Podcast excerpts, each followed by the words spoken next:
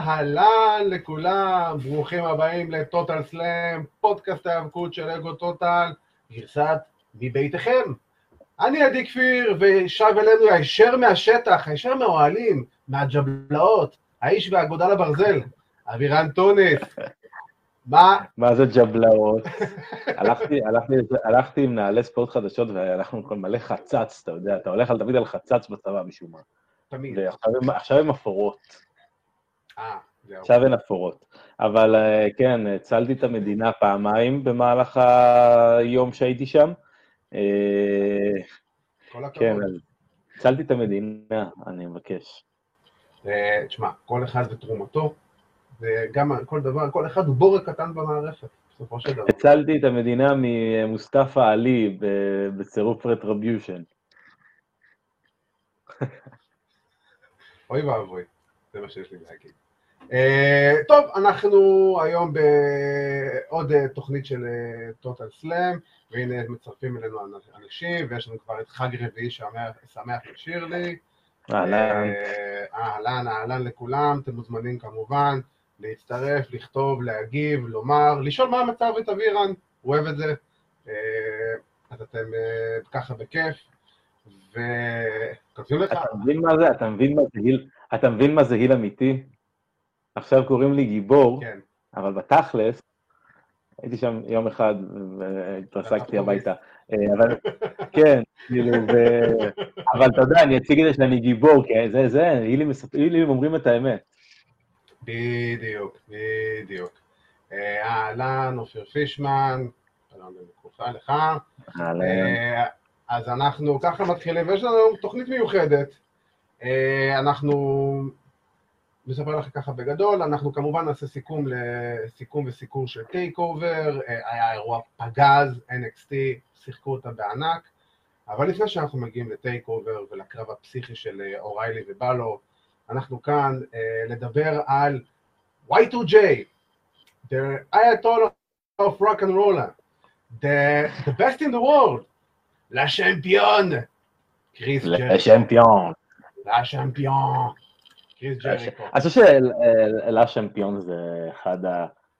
אחד הכינויים שאני הכי אוהב ב- ב- מה- מהאחרונים של ג'ריקו. כן, יש לו גם עכשיו את המיליון מיליון ויורס מן, כן. שזה גדול.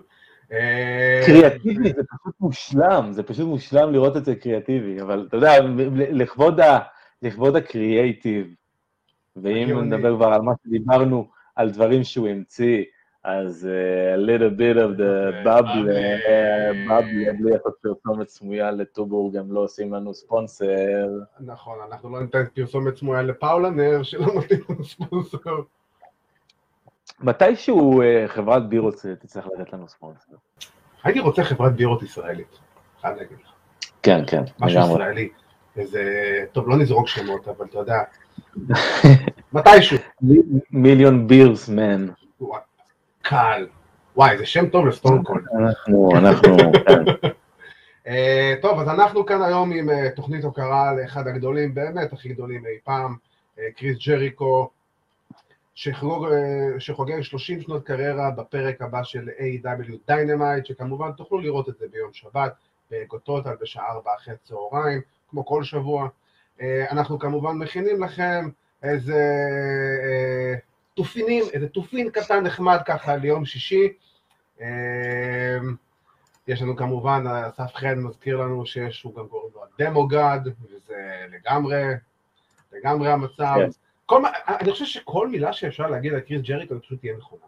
כאילו, הבן אדם הוא פשוט אייקון ברמה הכי גבוהה שיש. תראה, אנחנו מדברים 30 שנה, אבל זה נראה מבחינתי כאילו קריס ג'ריקו נמצא איתנו מבערך 1997, אתה יודע, אני מאמין שרובנו, אתה יודע, אנשים ב- בגילי ובגילך לרוב ראו WCW בשנים.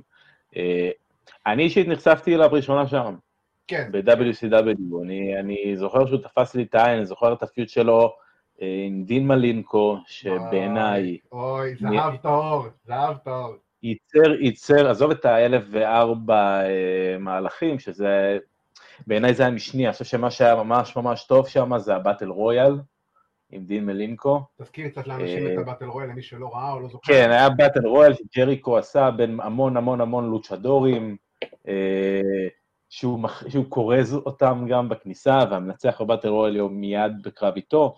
היה תקופה שהיה בפיוד עם דין מלינקו, ודין מלינקו נעלם, איזה כן. עירב שם דברים עם אבא שלו. ואחד המתאפקים בבטל רויאל, ציקלופה, הגיע לסוף עם חובנטוד גררה, שניהם הסתכלו אחד על השני, חובנטוד אה, קפץ החוצה, ציקלופה ניצח, אה, ג'ריקו נעמד מולו והוא חושף את המסכה כדי לגלות, דין מלינקו מקבל את הפופ הכי חזק שהוא קיבל אה, אי פעם. ב-WCW, באמת. במהלך החיים שלו, כאילו. כן, בכל הקריירה שלו, ובאופן כללי גם קרב מצוין, זה הקרב שהוביל אגב לסגמנטים הנהדרים שלו, שהוא מסתובב בוושינגטון ומדבר על קונספירציה. כן, הוא, האמת הוא אחד הראשונים אה, שעשה את, את, את הקטע הזה של הקונספירציה נגדו. אה, אני חייב להגיד... אני... כן, לא, קונספירציות היו, אבל אה, נגיד, הוא עושה המון דברים ש, שלא ציפינו, אתה יודע, feud ים עם גולדברג. זה מה שאני זוכר. אני זוכר למשל, לראות את קריס ג'ריקו בפעם הראשונה קורא תיגר לגולדברג, שגולדברג אז היה בשיא של, ה top של ה top, אם לא טעיתי, גם היה אלוף, הוא היה בדרך לאליפות שלו, והבן אדם פשוט היה קורא לו תיגר כל הזמן, ואני חושב שהיום, אה, האמת אריק בישוף גם אמר את זה, אבל היום, היום אנחנו מבינים כמה פספוס זה היה, לא לבוא לקחת את ה, באמת את, ה, את ה top guy של ה cruiserweight division, של WCW, ולבוא ולתת לו את המעבר הזה מה cruiserweights ל heavyweights. כן, אבל אנחנו צריכים, אנחנו צריכים לזכור, uh, אתה יודע, מה, מה היה ב- WCW באותם שנים, זה The Land of the Giants, literally. כן. נכון, זה היה סטייל של WWF. מישהו כמו ג'ריקו באותו זמן, אתה רואה, אבל זה גם לא רק הוא, זה ג'ריקו, וזה אדי גררו, וזה כריס בנואה, וזה גם דין מלינקו.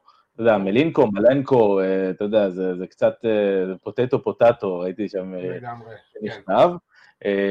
אתה יודע, אבל גולדברג וג'ריקו היה... זה נכון. כן. פרופטה כותב לנו. גם?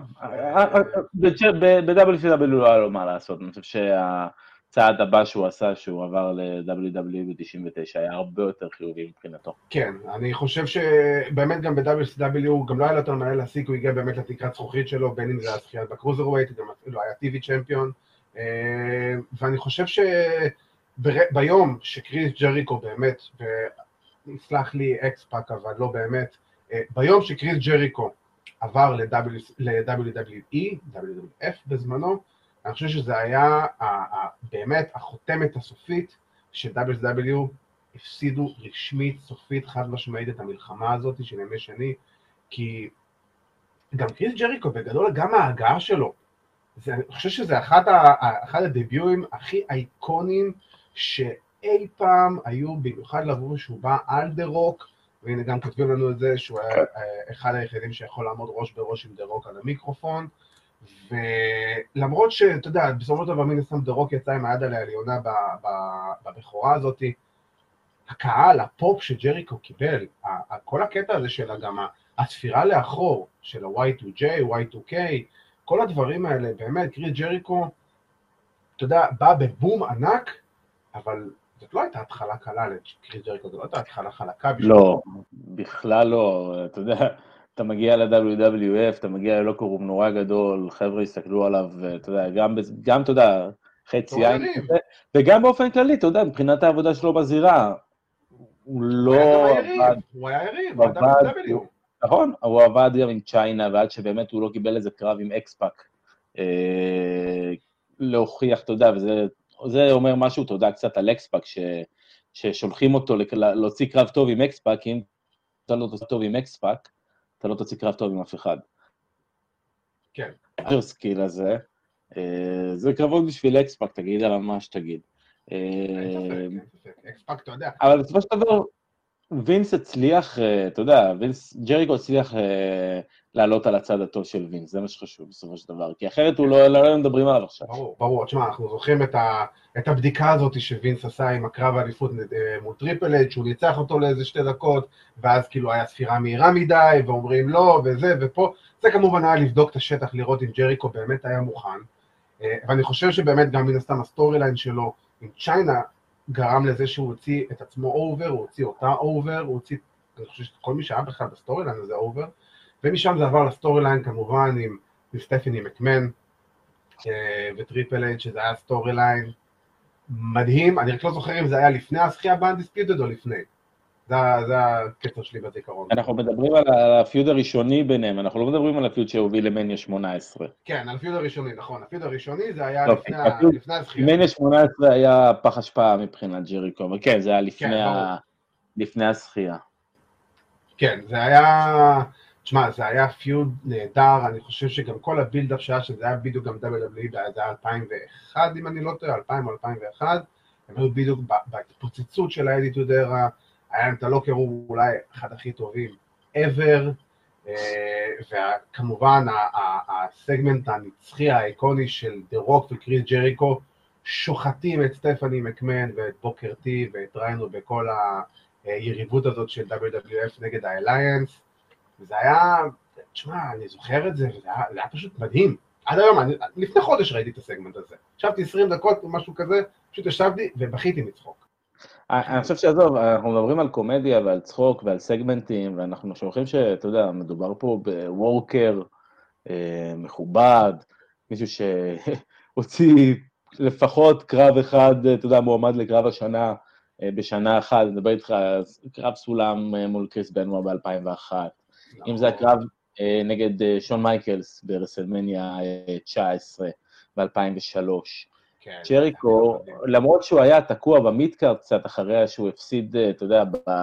הפסיד ברסלמניה 18, אז הוא קצת נתקע ב midcard, עבר tag teams, אה, היה עם קריסטיאן, היה עם כל מיני זה, אבל עדיין, באמת כל, במשך כל שבוע, בעבודה קשה ו...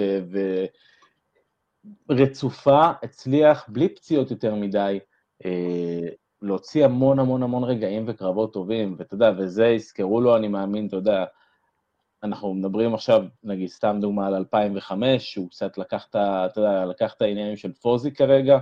כן. זה מה שהיה לו אז, זה מה שהיה לו אז.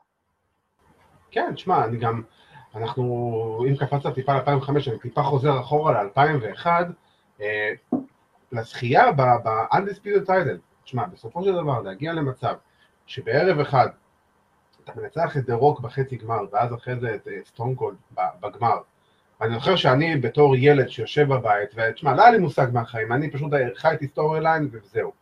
ואני אומר לעצמי, אוקיי, הוא ניצח את רוק, מרשים, ותמיד אהבתי את כריס ג'ריקו, כריס ג'ריקו מההתחלה תמיד היה אחד ה favorite ים שלי, בטח עוד מימי WCW, ו... אבל לא היה לי שום, לא חשבתי שיש שום סיכוי שייתנו לו לנצח את סטון קולד. ו... ולראות אותו מנצח את סטון קולד, ופתאום אתה אומר לך, וואו, כוכב, כאילו, ברגע זה נולד כוכב, נולד מתאבק שאמור לבוא ולהיות אחד המתאבקים שיובילו את החברה הזאת בעשור הבא, ב-15 שנים הבאות, whatever. אבל, אבל זה לא קרה. אבל בדיוק, זה גם זה לא קרה. לא יודע okay. מה אוקיי. קרה פה, בסדר. Okay. Okay. אני חושב שג'ריקו ב-2005 הבין משהו, שהוא לא יכול להישאר ג'ריקו של 2005, או ג'ריקו של 1999, או ג'ריקו של 2001, 2002, 2003 ו-2004, לאורך זמן, אתה צריך להתחדש. אני חושב שהעזיבה שלו ב-2005 נתנה לו את האפשרות לצאת ולהתחיל, אתה יודע, עד אז קריצ'ריקו לא ממש המציא את עצמו מחדש.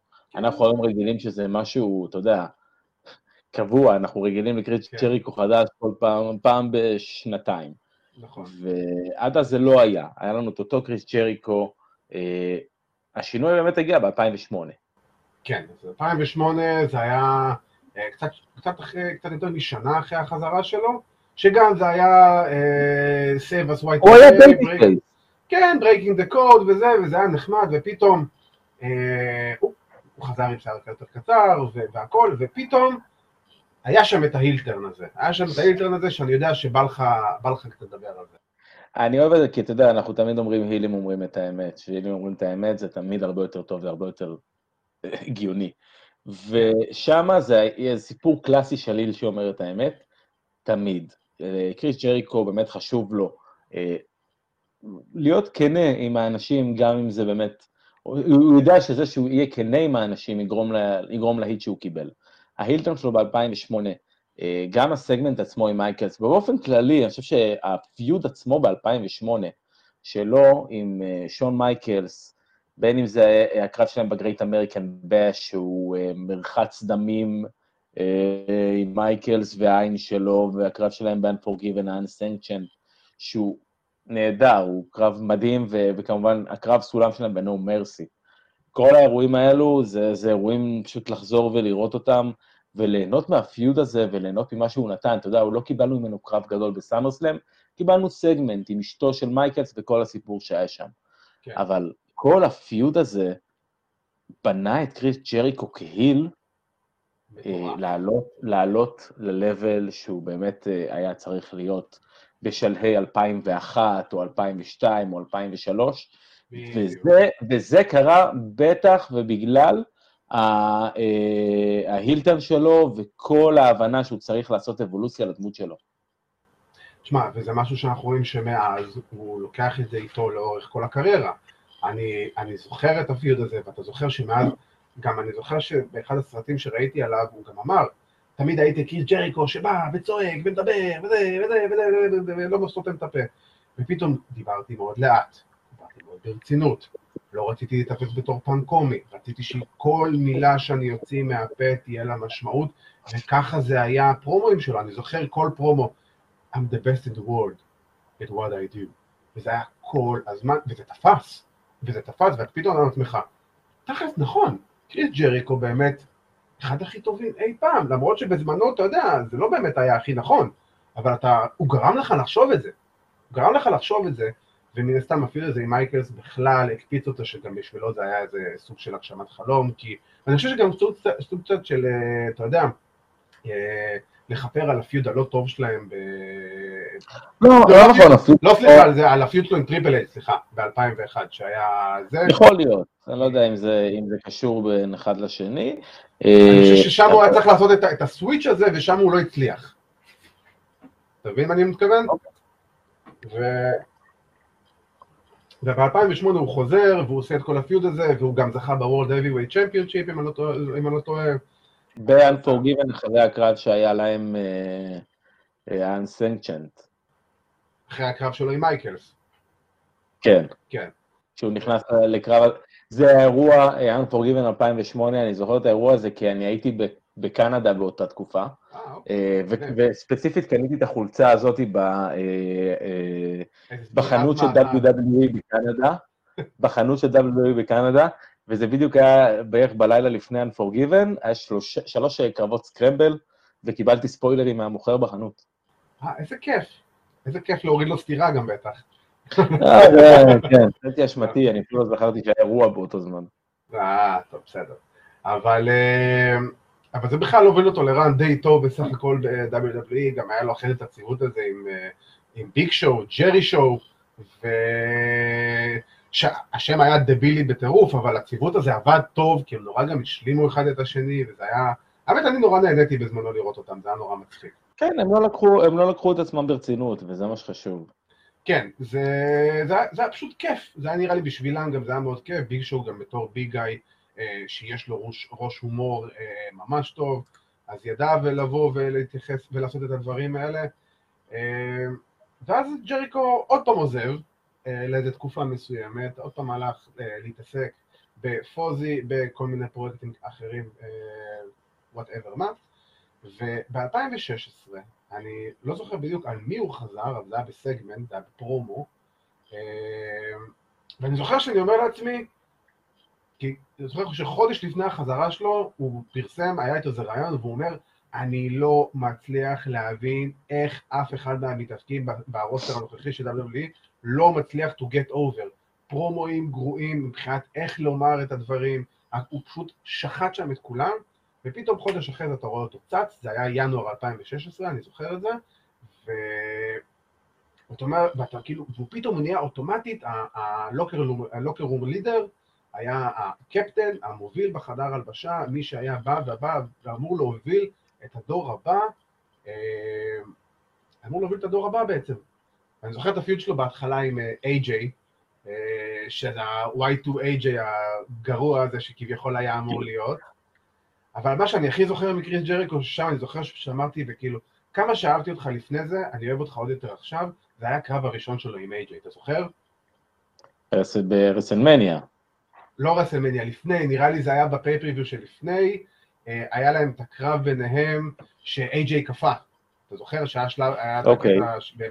שבמהלך הקרב הוא קפא, ואתה רואה שפתאום כזה, אתה אומר לעצמך, אני זוכר גם אומר לעצמי, אוקיי, לא טוב, איי-ג'יי קפא, וכאילו זה הקרב פייפריוויו הראשון של איי-ג'יי, אה, וכל מה שקורה עם זה, ו- ואתה רואה את קריס ג'ריק, הוא פשוט beat the shit out of him, אני זוכר אותו, נותן לו צ'ופים מטורפים כאילו, ומקלל אותו בקטע של אחי, תצא מזה, אתה בסדר, הם איתך, כולם איתך, הקהל אוהב אותך, ופשוט היה מגה אולטרה היל, ועשה את כל מה שהוא יכול כדי לבוא וכאילו להוציא את איי-ג'יי מה, מה, מה, מהקיפאון הזה שהוא, שהוא, שהוא נהיה בו פתאום, ואז פתאום אתה רואה מהלך אחד עבד, עבד ל-AJ, ג'ריקו מכר את זה בצורה נהדרת, קיבל פופ מהקהל, ופתאום בום זה הוביל לפיוד הרצחני הזה, כי אני חושב היום שבאמת הקרב הזה, אם הקרב הזה לא עובר טוב מבחינת AJ וג'ריקו, אני לא יודע לאיפה AJ מגיע היום, אני לא יודע אם הוא נמצא. אני, אני לא חושב שזה, אני לא חושב שזה, שבזה היה, אתה יודע, תלויה הקריירה של AJ, או לאן היה מגיע, או זה היה משתנה מכאן או לכאן.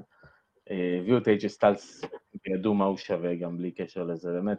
אה, כמו שאמרו, באמת, הוא, ג'ריקו הציל לו את ה Styles Clash, אז אולי מהבחינה הזאת, אם- יכול להיות. אני מדבר איתך אבל עכשיו על ה... אתה יודע, אם אנחנו מדברים על התקופה הזאת, גם אה, כתבו קצת על, אה, אופיר פישמן כתב על אה, אוונס ואנזו וקאס, שהיה פשוט storyline שנראה בהתחלה מאוד רנדומלי, אה, אבל הוביל לאחד הציוותים הכי מצליחים ש... שאני זוכר ב- בחמש שנים האחרונות. אה, כן, קווין אוונס וקריס ג'ריקו, ה-so called best friends של אותה תקופה. אה, אני זוכר גם שאוונס סיפר שקריס ג'ריקו היה אחד המתאבקים הכי אהובים עליו בתור ילד, וזה, אני חושב שפשוט כמעט כל מה שנוצר, זה יצר לנו The List של ג'ריקו, שאני חושב שזה catchphrase שלעולם לא יישכח בעולם ההיאבקות. ומה, לאיפה זה הוביל אותנו? זה הוביל את ג'ריקו ל run של איזה שנתיים נראה לי, אה, ב top של ה top. תשמע, כל מה שהלך איתו ועם ג'ריקו, ואילולא החזרה של ביל גולדברג משום מקום, אה, זה היה צריך, עזוב, אתה יודע, גם עזוב גולדברג וברוק לסנר, זה היה צריך להיות ה main event של WrestleMania באותה שנה. אה, קווין אוונס וקריס ג'ריקו, הם היו הדבר הכי טוב ב-WWE, לא ספק בזה בכלל. כן. אה, בטח, אתה יודע, מבחינת Festival of Friendship, שאתה יודע, אני צופה שיהיה משהו שקשור לזה, צפיתי שיהיה משהו שקשור לזה, אתה יודע, ב-AEW בחגיגות ה-30, איזה סגמנט גדול עם ג'ריקו, אה, אולי בסגנון הזה, אבל אתה יודע, Festival of Friendship, בעיניי, אה, אחד הסגמנטים הכי טובים ש-WWE הפיקו בכל הזמנים. אה, בטח שאחד הטרנים הכי טובים ש, שבוצעו, אתה יודע, גם מבחינת בניית הסיפור וכל זה. הציור. העברת, עבר בך, זה היופי, בדיוק, עבר בך כל רגש אפשרי במהלך הסגמנט הזה. אתה כן. שמחת, אתה צחקת, אתה נהנית, אתה חייכת, היית רגע עצוב, היית רגע שמח, היית מופתע, היית כועס, הכל, כל הרגשות באמת יצאו בתוך הסגמנט הזה, וזה מה שהופך אותו כל כך טוב. כן, אני חושב ש... אתה יודע, זה גם הגאונות של קריס ג'ריקו, שהוא יודע לשחק לך על הרגשות בכ- בכל דרך אפשרית. הוא גם, תשמע, כל הציוות שלו עם אורנס, אבל צריך להבין שקווין אורנס בזמנו, הוא היה יוניברסל צ'מפיון, בסופו של דבר. קריס ג'ריקו זכה, אה, היה ה-US צ'מפיון, אם אני לא טועה. ואתה אומר לעצמך, זה היה צריך להוביל לפיוד אפי של היוניברסל נגד ה-US, אורנס נגד ג'ריקו, מיין איבנט ברסלמניה, ואתה אומר לעצמך, איזה פספוס. איזה כן. פספוס מטורף. פספוס מטורף של WWE, איך אתם don't pull the trigger on it, וכאילו, אני לא מצליח להבין את זה עד היום, וקריס ג'ריקו בוודאי, אני חושב שדרך אגב, קווין אורנס עד היום לא התאושש מזה, מה, מה, ממה שקרה, אה, בקריירה של קווין אורנס, ודיברנו על זה גם כמה... אני לא יודע, אני לא רוצה להתרכז בקווין אורנס, אני, חושב ששווה דווקא להתרכז במקרה הזה, אה, לא במה שקווין אורנס השיג, אלא במה שקריס ג'ריקו השיג. ומה שקריס ג'ריקו השיג.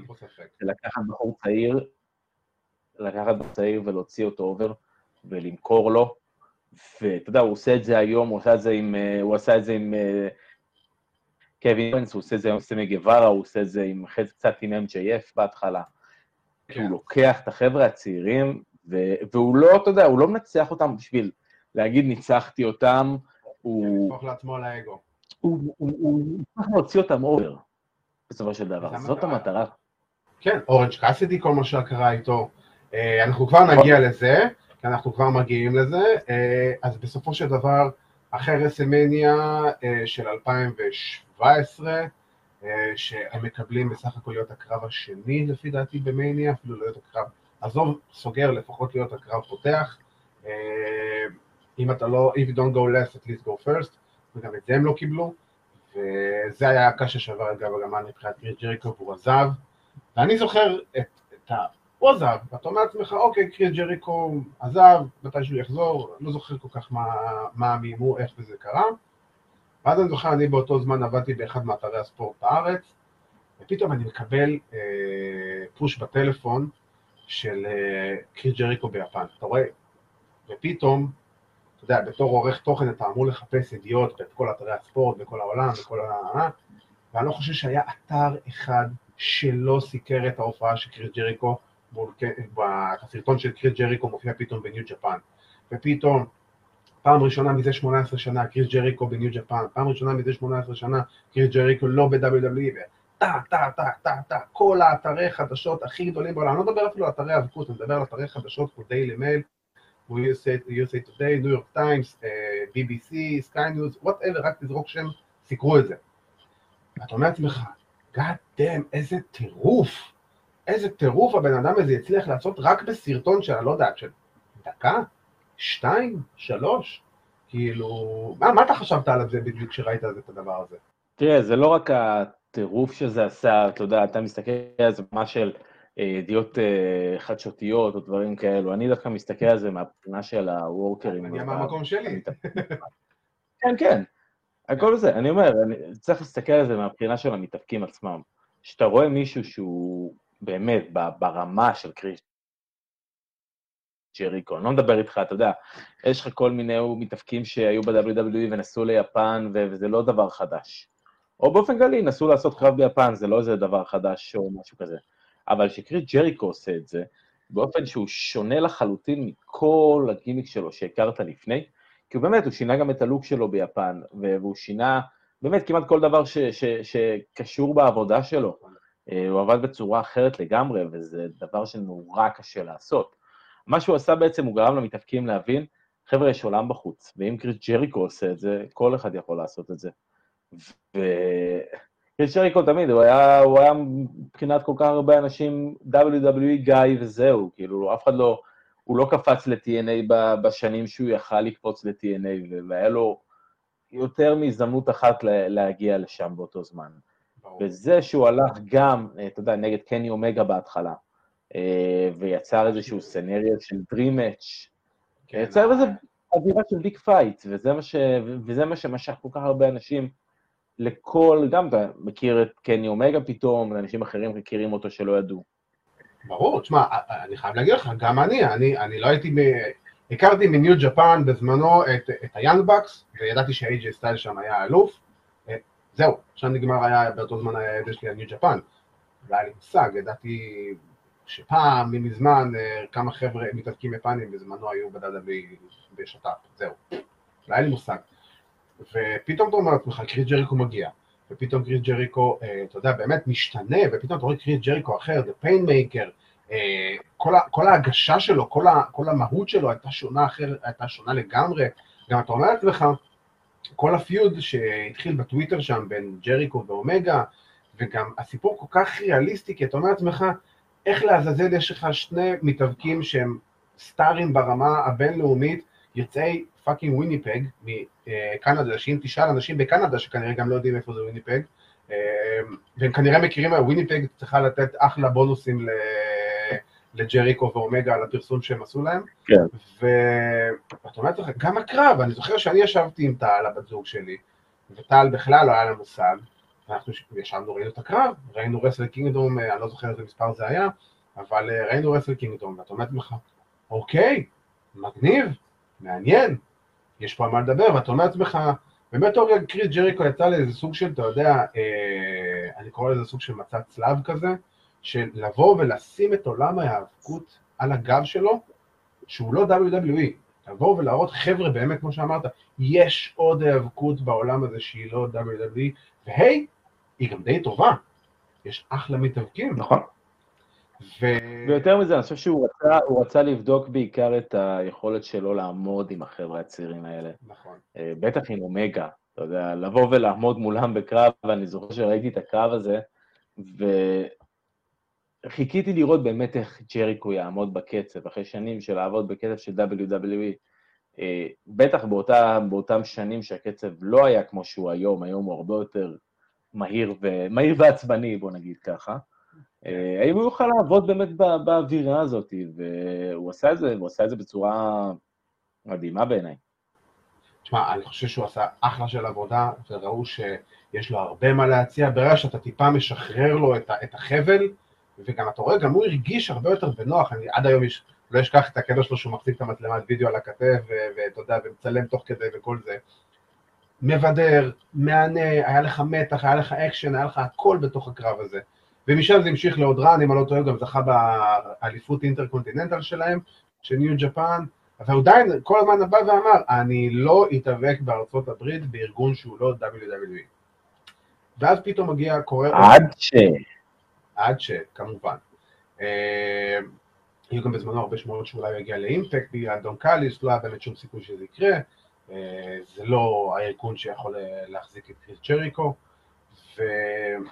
ואז פתאום, אתה יודע, הוא מופיע בתור so called פנטגון, אחרי הקרב של פנטגון ואומגה, ב-all in, ואתה אומר לעצמך, אני זוכר שאמרתי, וואו, כאילו, מ-all in, אני זוכר הרבה דברים, אבל זה היה הדבר שהכה בי, ממש, אתה אומר לעצמך, קריס ג'ריקו, כאילו, ב-all in, וואו, מה זה אומר?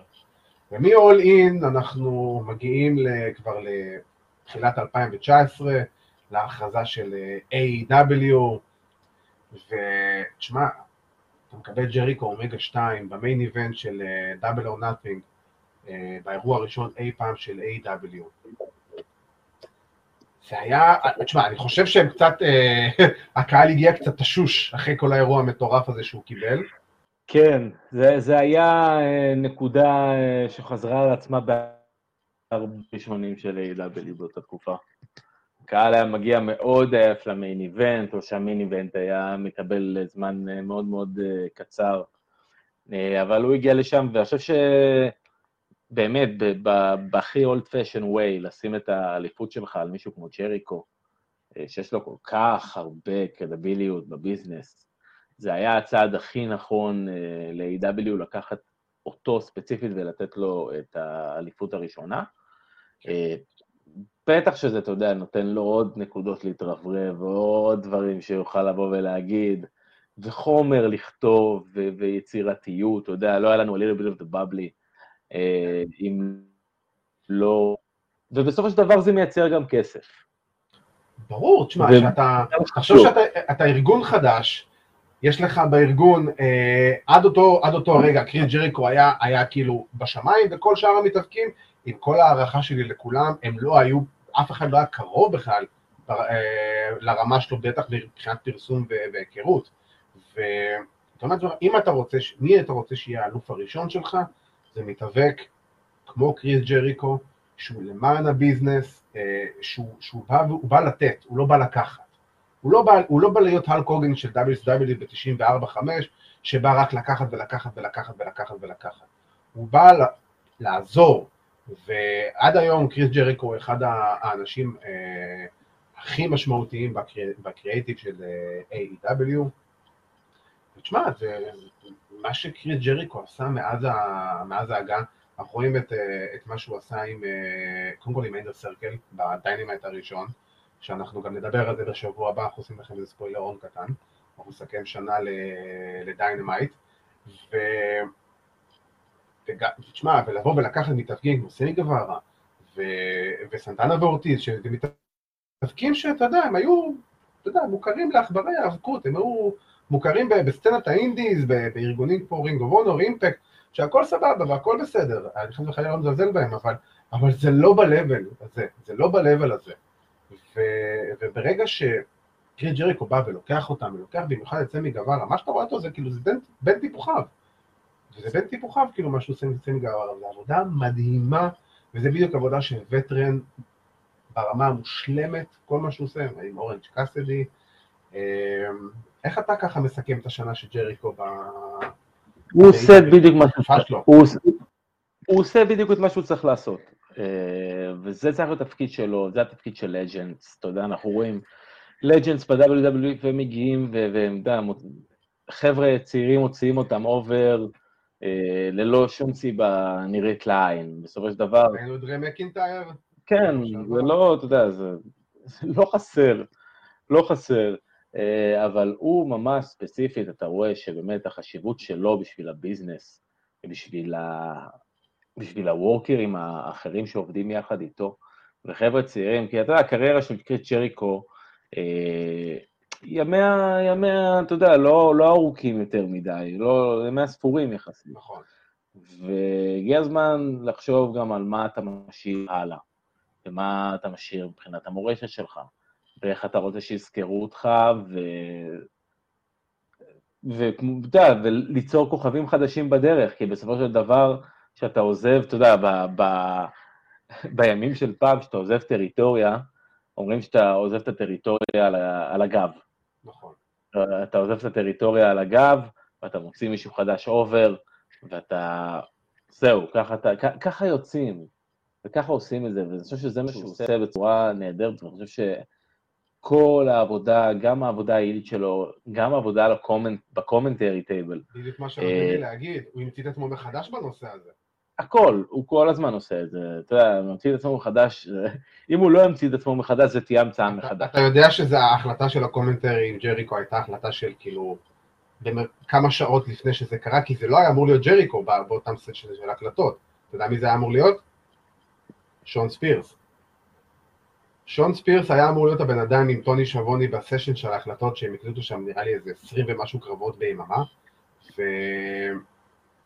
וממש ברגע האחרון אה, טוני קאן, שמעתי את זה באחד הראיונות שלו ב-Unrestricted, בפודקאסט של AEW, אז אה, טוני קאן מספר, כאילו באמת בשנייה האחרונה שלחתי לקריס שהוא, אם הוא רוצה לבוא, הוא לא מחויב, אם הוא רוצה לבוא ולהקליט, יכול. והוא פשוט אמר, בלי לחשוב פעמיים, אני בא.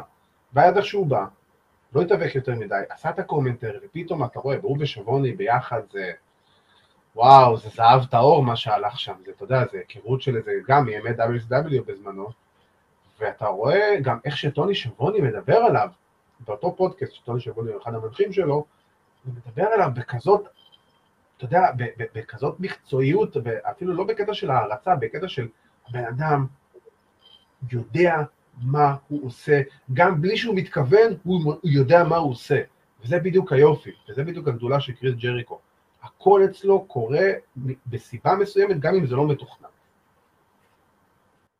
אני חושב שהוא הצליח ל... לסכם בגדול את, את, את עולם ההאבקות ולדעת לעשות את הכל. הוא בעצם עשה את ה master, ב, ב, הוא master בהכל, אתה לא יכול להגיד שהוא לא.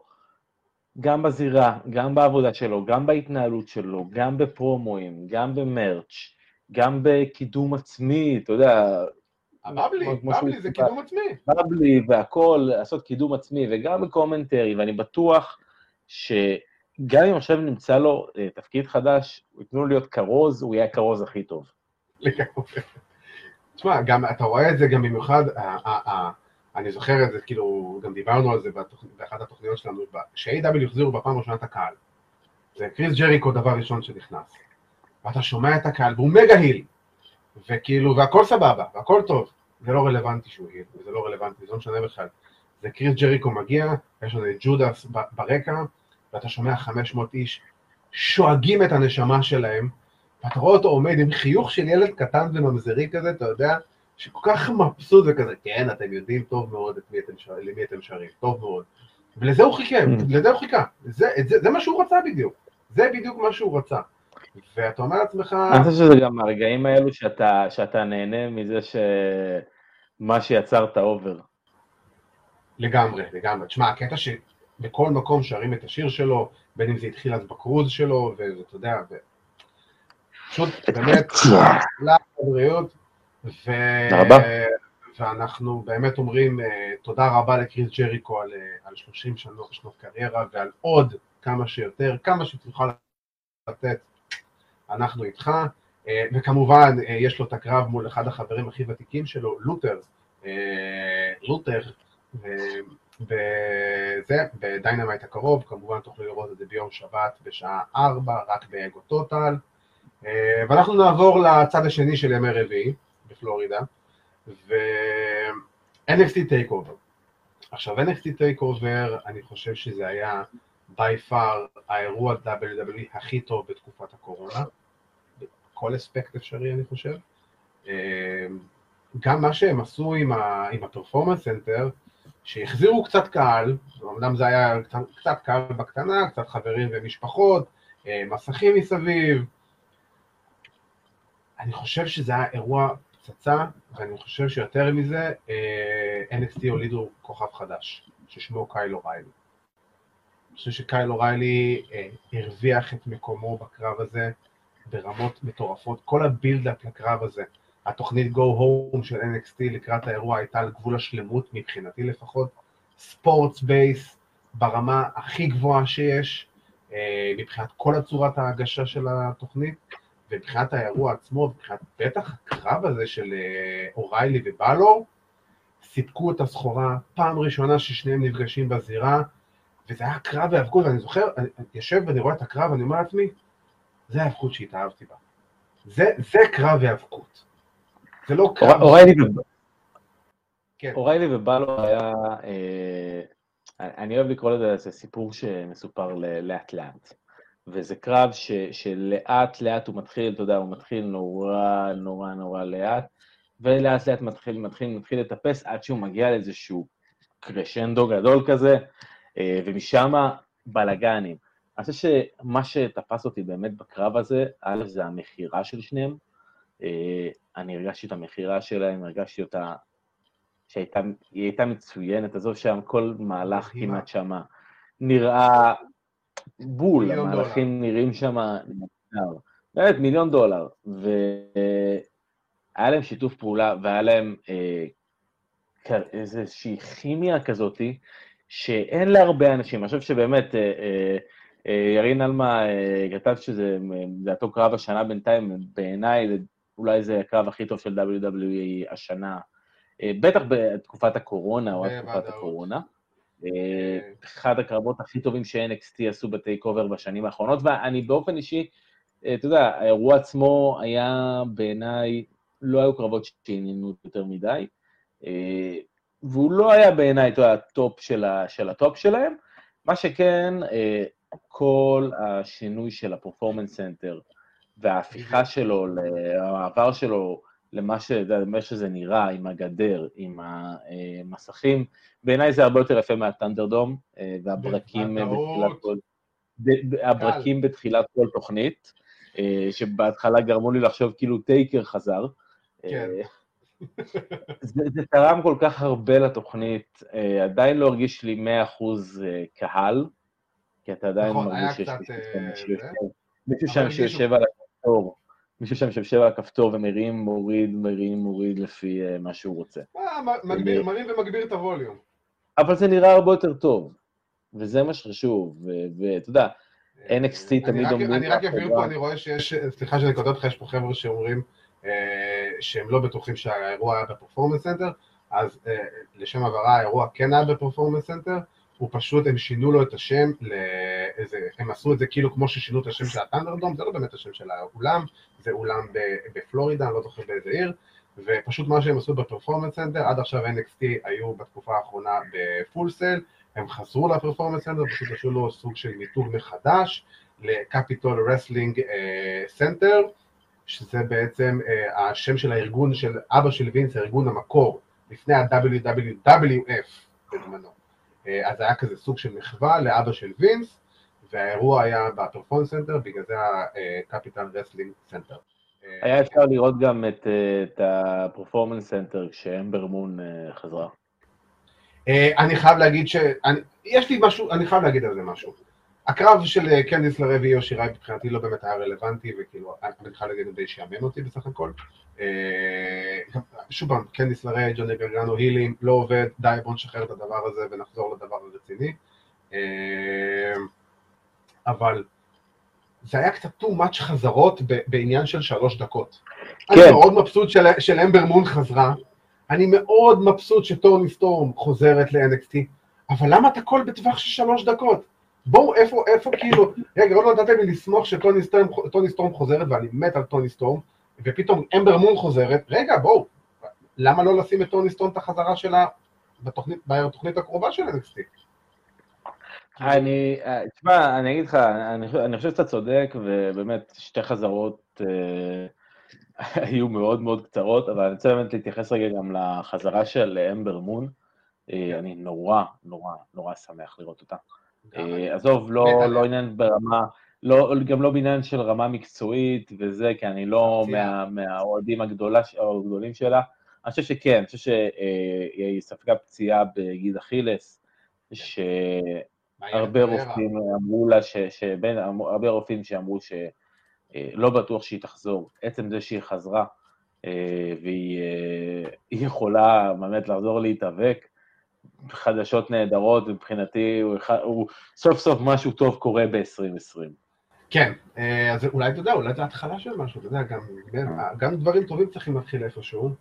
אה, ואני חייב להגיד שאמרתי לך כבר בעבר שעד היום, המחלקת נשים הנוכחית של NXT, את איו שיראי וריה ריפלי, קצת די חלשה מבחינתי, ואולי אחת הכי חלשות של NXT בכלל בשנים האחרונות, ואז פתאום, ב, ב, בשלוש דקות, אתה הופך מחלקת נשים שהיא סבבה למחלקת נשים מדהימה, כי יש לך פתאום משתי מתאבקות, אה, משתי כוכבות לארבע כוכבות, זאת אומרת לך, כל אחת מהן יכולה להיות עכשיו במצב של אה, אלופה, וזה ייראה לגיטימי, ואני חושב שאמבר מון זה תוספת כוח נהדרת ל-NXT, זה בדיוק המקום שהיא צריכה להיות בו, זה בדיוק מה ש-NXT צריכים.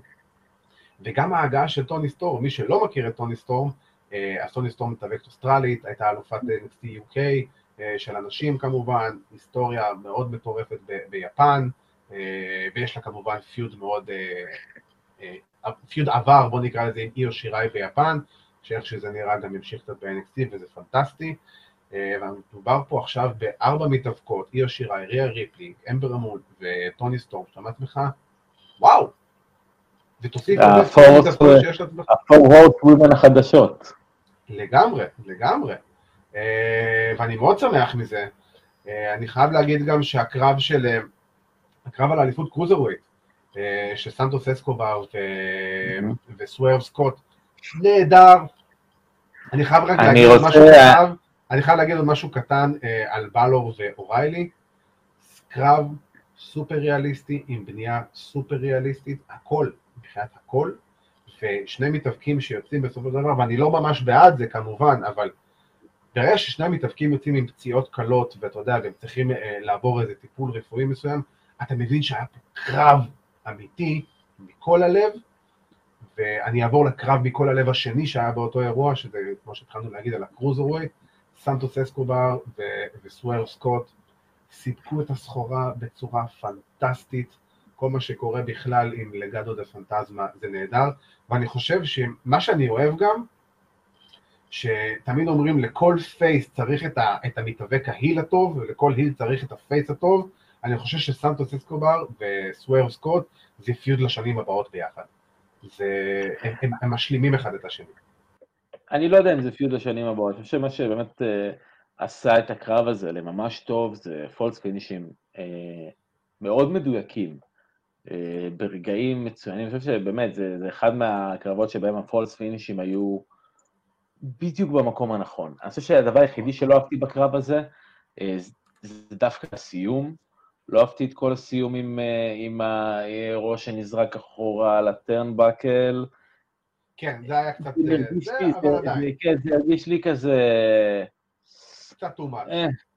כן, זה, אני חושב שהייתי רוצה לראות סיום, סיום אחר לקרב. ולדעתי הוא משדרג אותו אה, בהרבה הרבה הרבה רגעים מהקרב, הייתי בטוח סוורב הולך לנצח, וזה מה שבאמת עשה את זה להרבה יותר טוב. נכון, אני חושב ש... אתה יודע, אם יש משהו שאני יכול לבוא וכאילו, אה, לבוא לקראתם בקטע הזה, שזה אליפות cruiserweight, זה ה feud האמיתי הראשון של שניהם ב-NXT, אה, קרב אליפות ראשון אמיתי של שניהם ב TakeOver, זה גם פעם ראשונה שנראה לי cruiserweight title אה, מוגן ב TakeOver. לא, אני בטוח, אני בטוח שהיה...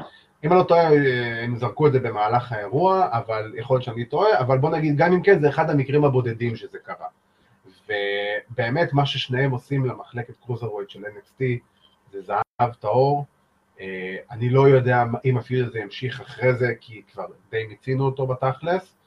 ו... ומפה אני רק אומר, וואלה, כל מה שיבוא הלאה, פנטסטי, נהדר, אסקובר וסוורב, אחלה, יש לכם עוד מה להשתפר, אבל אחלה של עבודה וקרב נהדר, אני מאוד אוהב את שניהם. אני רוצה להתייחס גם למה שכתב ניר אה, בצ'אט, אה, לגבי הסיום, אני חושב שהסיום הסיום של האירוע בגדול, כן. זה כל כך דבר טוב אה, להשאיר איזשהו קליף הנגר, נכון. איזשהו משהו שאנחנו נחכה, משהו לסיים איתו באופן, אתה יודע, בבום כזה. ואתה רואה קודם כל את התוכניות של להפוך גם את קייל אוריילי וגם את אדם, פיר, אדם פירס, אדם קול ל babyface. כן. אה, וזה נראה שזה מתחיל אה, לצאת לפועל. השאלה באמת לאיזה כיוון אנחנו הולכים עם רודריק סטרונג ובובי פיש, כי אתה יודע, התחושת בטן בהתחלה, שהם באו בסוף הקטע הזה, נראה כאילו, היה שם איזה שיתוף פעולה, אתה יודע, הם באו פתאום כזה משום מקום. אה, כן, אני יכול לחשוב, אני יכול להבין מה אתה אומר, אבל אני דווקא המחשבה שלי הייתה של... אה, שכחתי את השם המשפחה שלו זה הולנד, אני לא זוכר את השם הפרטי של המקרה. ריץ' הולנד. ריץ' הולנד. אה, נכון, ירין אלמה כותב לנו גם על קושידה ווולבט אינדרים, אנחנו גם כבר נתייחס לקרב הזה, אבל אה, ריץ' הולנד לפי דעתי, בגלל שהוא בריטי במקור, כמובן הגיע מ-NXT UK, הוא מתאבק יחסית חדש, ובוא נגיד מאוד ירוק, אז הדעה שלי הולכת לזה שזה הולך לסוג של ציוות של הולנד עם בלור. בתור איזה משהו בריטי. אה, אני, אני, אני לא חושב שלשם זה הולך. זה התחושה שלי, זה התחושה שלי. זה ששניהם בריטים, אף, פעם לא התייחסו לפין אה, בלור כבריטי. תשמע, הדימון, אתה יודע, אה, הדימון כאילו לגמרי הוא מבוסס על דמות של שד אירי, כאילו זה היה כל הדמות שלו. נכון, אבל, אבל אין בו, אין שום דבר אירי או, או בריטי. לא, לא, ברור שלא, אני פשוט חושב ש... אני חושב שזה יהיה השומר ראש שלו פשוט, זה הכל. אני חושב שפין בא לו אה, בסיטואציה הנוכחית שלו, וגם, אתה יודע, על הדרך פשוט ידאג לו. אה, בואו נעבור לעוד קרב שהיה טוב, זה היה קרב שבאמת של קושידה ווולבט אין דרים. אה, הם פשוט, אני חושב שזו פעם ראשונה מזה תקופה, תקופה מאוד ארוכה, אולי מאז שקושידה הגיע ל-NXT, שאני סוף סוף יודע מה קושידה רוצה ממני. כן. אמיתי. תראה, אני חושב שדווקא אני מדבר על Velvet in Dream, שאתה יודע, נראה כאילו מאחורי הקלעים יש, יש קצת בעיות, והוא באיזשהו של דוג האוס, משהו. הוא מכר שם לקושידה בטירוף, אה, אתה רואה את כן. המכירה שלו וזה היה מעולה. באופן כללי גם התלבושת שלו, אה, שהוא היה דוק בראון מ-Back to the Future, אתה יודע, כקונטרה. לקושידה שהוא בתלבושת מרטי מקפליי, אה, שזה היה בעיניי איזושהי נקודה קטנה נהדרת. כן. אה, תשמע, אני אגיד לך מה, אני חושב שקושידה, אה, גם דיברנו על זה דווקא בנושא של אסקה בזמנו, אבל קושידה, תן לו לדבר בפרומואים מצולמים מראש עם כתוביות, זה הבדלים של שמיים וארץ. והנה ניר פרופטה כותב לנו, באמת נתנו סוף סוף לקושידה להיות קושידה, אה, ואני מסכים, הבעיה של קושידה, וזה כמעט כל המתאבקים היפנים ב-NXT, זה גם מכליל את שינסקה נקמורה ואסקה, איו שיראי, קיירי סיין בזמנו. המתאבקים היפנים, ברגע שהם מנסים לדבר אנגלית והאנגלית שלהם יוצאת לא טוב, זה מאוד מוריד מהם, זה מאוד מוריד מהאיכות שלהם, ועדיף לעשות איתם באמת video package עם, עם, עם, עם תרגום באנגלית, לתת להם לדבר ביפנית, חופשי, הכל טוב, אבל תן לי את התרגום באנגלית, לאנשים שיבינו באמת מה הם רוצים, וככה, אני היום מרגיש שאחרי הקרב הזה ואחרי ה build-up שעשו לקושידה, אני מכיר היום יותר טוב את קושידה ממה שאני מכיר אותו בשנה האחרונה מאז שהוא חתם. אה, שנה, שנתיים, לא זוכר כבר כמה זמן. אה, וגם היה לנו את הקרב של ג'וני גרגנו אה, נגד דמיאן פריסט, שהוא היה קרב בסדר, היה אופנר נחמד. כן. אתה יודע, אני לא יכול לבוא ולהגיד מילים רעות על ג'וני גרגנו, ואני גם לא יכול לבוא ולהגיד יותר מדי מילים טובות על דמיאן פריסט. אני חושב שפריסט צריך עוד להשתפר לא מעט, בלא מעט אספקטים, הוא אחלה מתאבק, אבל יש לו עוד הרבה על מה לעבוד איתו, על עצמו, ו... אתה יודע, בוא, בוא. זה, זה היה מה שזה היה, ו... כן, בדיוק, ו... כן. טוב שהיה, ואנחנו... יש לנו פה שאלה של שירלי, אה, אם יש לנו תחזיות לגבי הדראפט. אה, אז כרגע אין לנו תחזיות לגבי הדראפט, כי אנחנו נתייחס לדראפט גם בתוכנית הבאה שלנו, שנתקרב קצת יותר לדראפט. אה, אם את שואלת אותי ברמה האישית, מאוד רוצה לראות את קרבין אורנס חוזר ל-NXT. זהו סתם תחושה שלי אישית פנימית מהבטן. זה מה שהייתי רוצה לראות. אה, ואנחנו נעבור, אנחנו ממש בסיום, אז אנחנו נעבור לפינה שלנו, אה, הפינה האהובה, מה עשה או הרס לנו את השבוע, ואבירן, תתחיל.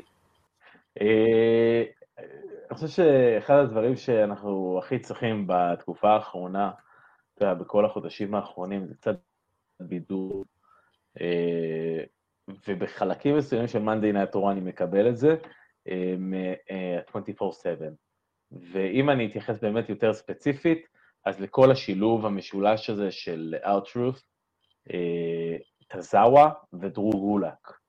הרעיון של דרו גולק מחופש בכל מיני מקומות, ונתקל בטזאווה, והוא וטזאווה מתעצבנים אחד על השני. אה, בעיניי זה קומדיה, וזה אחד הדברים הכי טובים שעשו ב-24-7, מאז סאגת דרייק מבריק Uh, הכי טוב שהיה ב-24/7 מאז, uh, ואני נורא שמח לראות את uh, דרו גולק, אתה יודע, מראה קצת פרסונליטי ומראה קצת יכולות קומיות, ולא רק יכולות היאבקות. אה, תשמע, אני חייב להגיד לך שהיה קשה לי עם כל הסגמנט הזה של אה, שכריש טרף את אה, טוזאווה, אני חושב ש... לגמרי לקחתי את זה בקטע של בדיחה, ומההתחלה זה היה, אתה יודע, זה היה יותר מדי מטופש כדי שניגר את זה ברצינות. אני, שום דבר שקשור ל-24-7 אני לא יכול לקחת ברצינות. אבל אתה יודע, אם אנחנו כאילו, יש גבול שעד כמה אתה יכול למתוח לי את ה-suspension of כמו שאמרתי את זה גם בשבוע שעבר, זה המתאבק השלישי בחצי שנה של WWE רוצחים, ואני, ופשוט כאילו, זה אני, אני, אני לא אוהב, אני, אני יותר אוהב ריאליסטיות מאשר uh, too much nonsense, אין לי בעיה עם nonsense, אני מאוד אוהב את ארטרוס ומה שהוא עושה עם זה, אבל יש גבול גם כמה אתה יכול למתוח את הנונסנס שלי לפחות. בעיניי בנקודות אה, מסוימות, אתה יודע, בסגמנטים מסוימים, אם זה 24-7, פעם קצת באמצע רור, בין סגמנט של Retribution לשני. אה, כן, אני חייב להסכים עם ניר פרופט, אני מעדיף לראות את דרו גולאק מתאבק ונותן חתיכת קרבות. נכון, אבל כן, אבל זה לא מה שאנחנו אה, רוצים. אה, ואני דווקא אתייחס חזרה קצת ל TakeOver, ואני אדבר דווקא על וייד ברט. הוא עשה לי את השבוע, אני חושב שהחזרה של וייד ברט ובטח ל commentary של NXT. קודם כל, החזרה של וייד ברט לעולם ההיאבקות ב-NWA בזמנו הייתה מבורכת. החזרה שלו ל-NXT היא הרבה יותר ממבורכת. אני חושב שזה בדיוק הבן אדם הנכון, במקום הנכון, בתפקיד הנכון, ופשוט זה מה שווייד ברט עושה על, על, על ה commentary, זה זהב טהור. אני חושב שהשילוב שלו עם ויק ג'וזף, ובמיוחד השילוב שלו עם בית פיניקס, אה, גורם לעזיבה של מאורו, כאילו, לא, לא להיות כל כך, כל כך משמעותית. כאילו, העזיבה של מאורו, זה מאורו רנלו, העזיבה שלו, הוא היה אחד הדברים הכי טובים ב-NXT, חוץ מהקרבות. כאילו, כל קרב היה לי עם מאורו רנלו, זה זהב טהור, אה, אבל אתה אומר לעצמך, וייד ברט פתאום הגיע לך משום מקום, ויק ג'וזף הוא בסדר, יש לו עוד הרבה מה לעבוד, אתה שומע את המייקל קול שבו, אין מה לעשות, אבל, אה, אבל אתה יודע, בית פיניקס היא מדהימה על, על ה commentary והיא יוצאה פרשנות מדהימה, אבל הצבע שווייד ברט מביא לשולחן, הניסיון, ההיסטוריה, שמעת את זה לאורך כל האירוע, איך הוא בא ולוקח מהניסיון האישי שלו, זה פרשנות ספורט אמיתית לכל דבר, וזה כמו שעכשיו אתה שם שחקן אה, כדורגל לשעבר אה, להיות פרשן במשחק כדורגל. כי לא משנה מה, אני אביא לשולחן בתור זה, אתה היית בזירה בתור מתאבק לשעבר.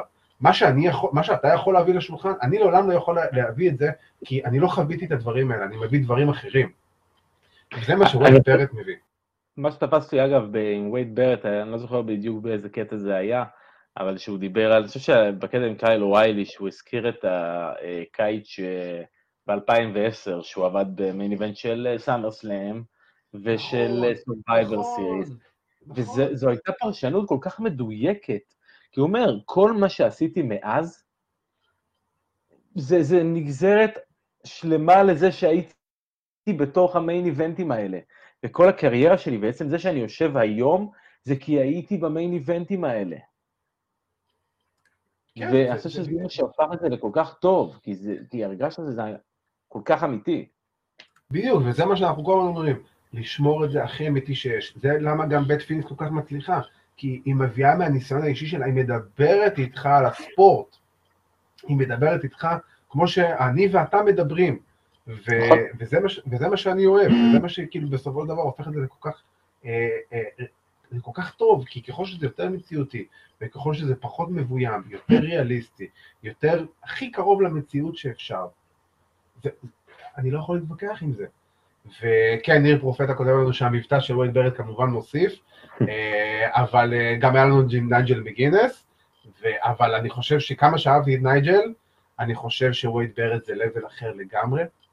אני חושב שגם מבחינת אה, יכולות על המיקרופון, גם מבחינת המעמד שהוא הגיע אליו, בוא, נייג'ל מגינס... לא, וייד ברט מכיר את המכונה הרבה יותר מקרוב. נכון, ואני חושב שזה הרבה יותר טוב, אני חושב שזה עובד גם נהדר, אני חושב שגם זאת, אה, נקרא לזה, רכישה מאוד טובה של אה, NXT, ו... וזה מה שעשה לי את השבוע, אני, כאילו, אני, כמה כבר חודש ב-NXT, פלוס מינוס, ואני חושב שדווקא וייד ברט הוא הבן אדם שגרם לי לא, כאילו, קצת לשכוח מזה שמאור אורנלו כבר לא נמצא ב-NXT. ואם, ובנימה אופטימית זו, אנחנו מסיימים עוד תוכנית שלנו, של טוטל סלאם, אני כמובן רוצה להזכיר לכם, אה, יום שבת, שעה 4, AEW Dynamite, חגיגות ה-30 לקריס ג'ריקו. בנוסף גם חוץ מהקרב של קריס ג'ריקו אה, עם ג'ייק הייגר נגד לותר, ואני לא זוכר את המתאבק המקסיקני שאיתו, אה, ברח לי השם שלו, יש לנו גם את ה dog collar match של על האליפות TNT, קודי רודס נגד ברודי לי, איזה חתיכת פרומו קודי רודס נתן שם שבוע שעבר, אימא'לה ואבא'לה, תן לי קצת עוד... תתחילו את הקרב, תביאו לי את הקרב הזה כבר. לגמרי. ואז, מזכיר, יום שבת, שעה ארבע, אגו טוטל.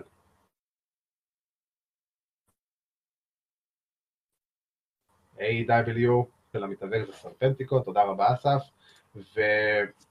אז יום שבת, שעה ארבע, AEW באגו טוטל, AEW Dynamite, חגיגות ה-30 של קריס ג'ריקו. אני מזכיר לכם שיש לנו איזו הפתעה מגניבה בשבילכם אה, ברשתות החברתיות של אגו טוטל, אז זה הזמן לבוא ולעקוב כאן, לעקוב כאן, אחרי הרשתות החברתיות של אגו טוטל, פייסבוק, אינסטגרם, תעשה להם איזה... איפה השרשרת? איפה השרשרת? איפה צ'יף? בדיוק.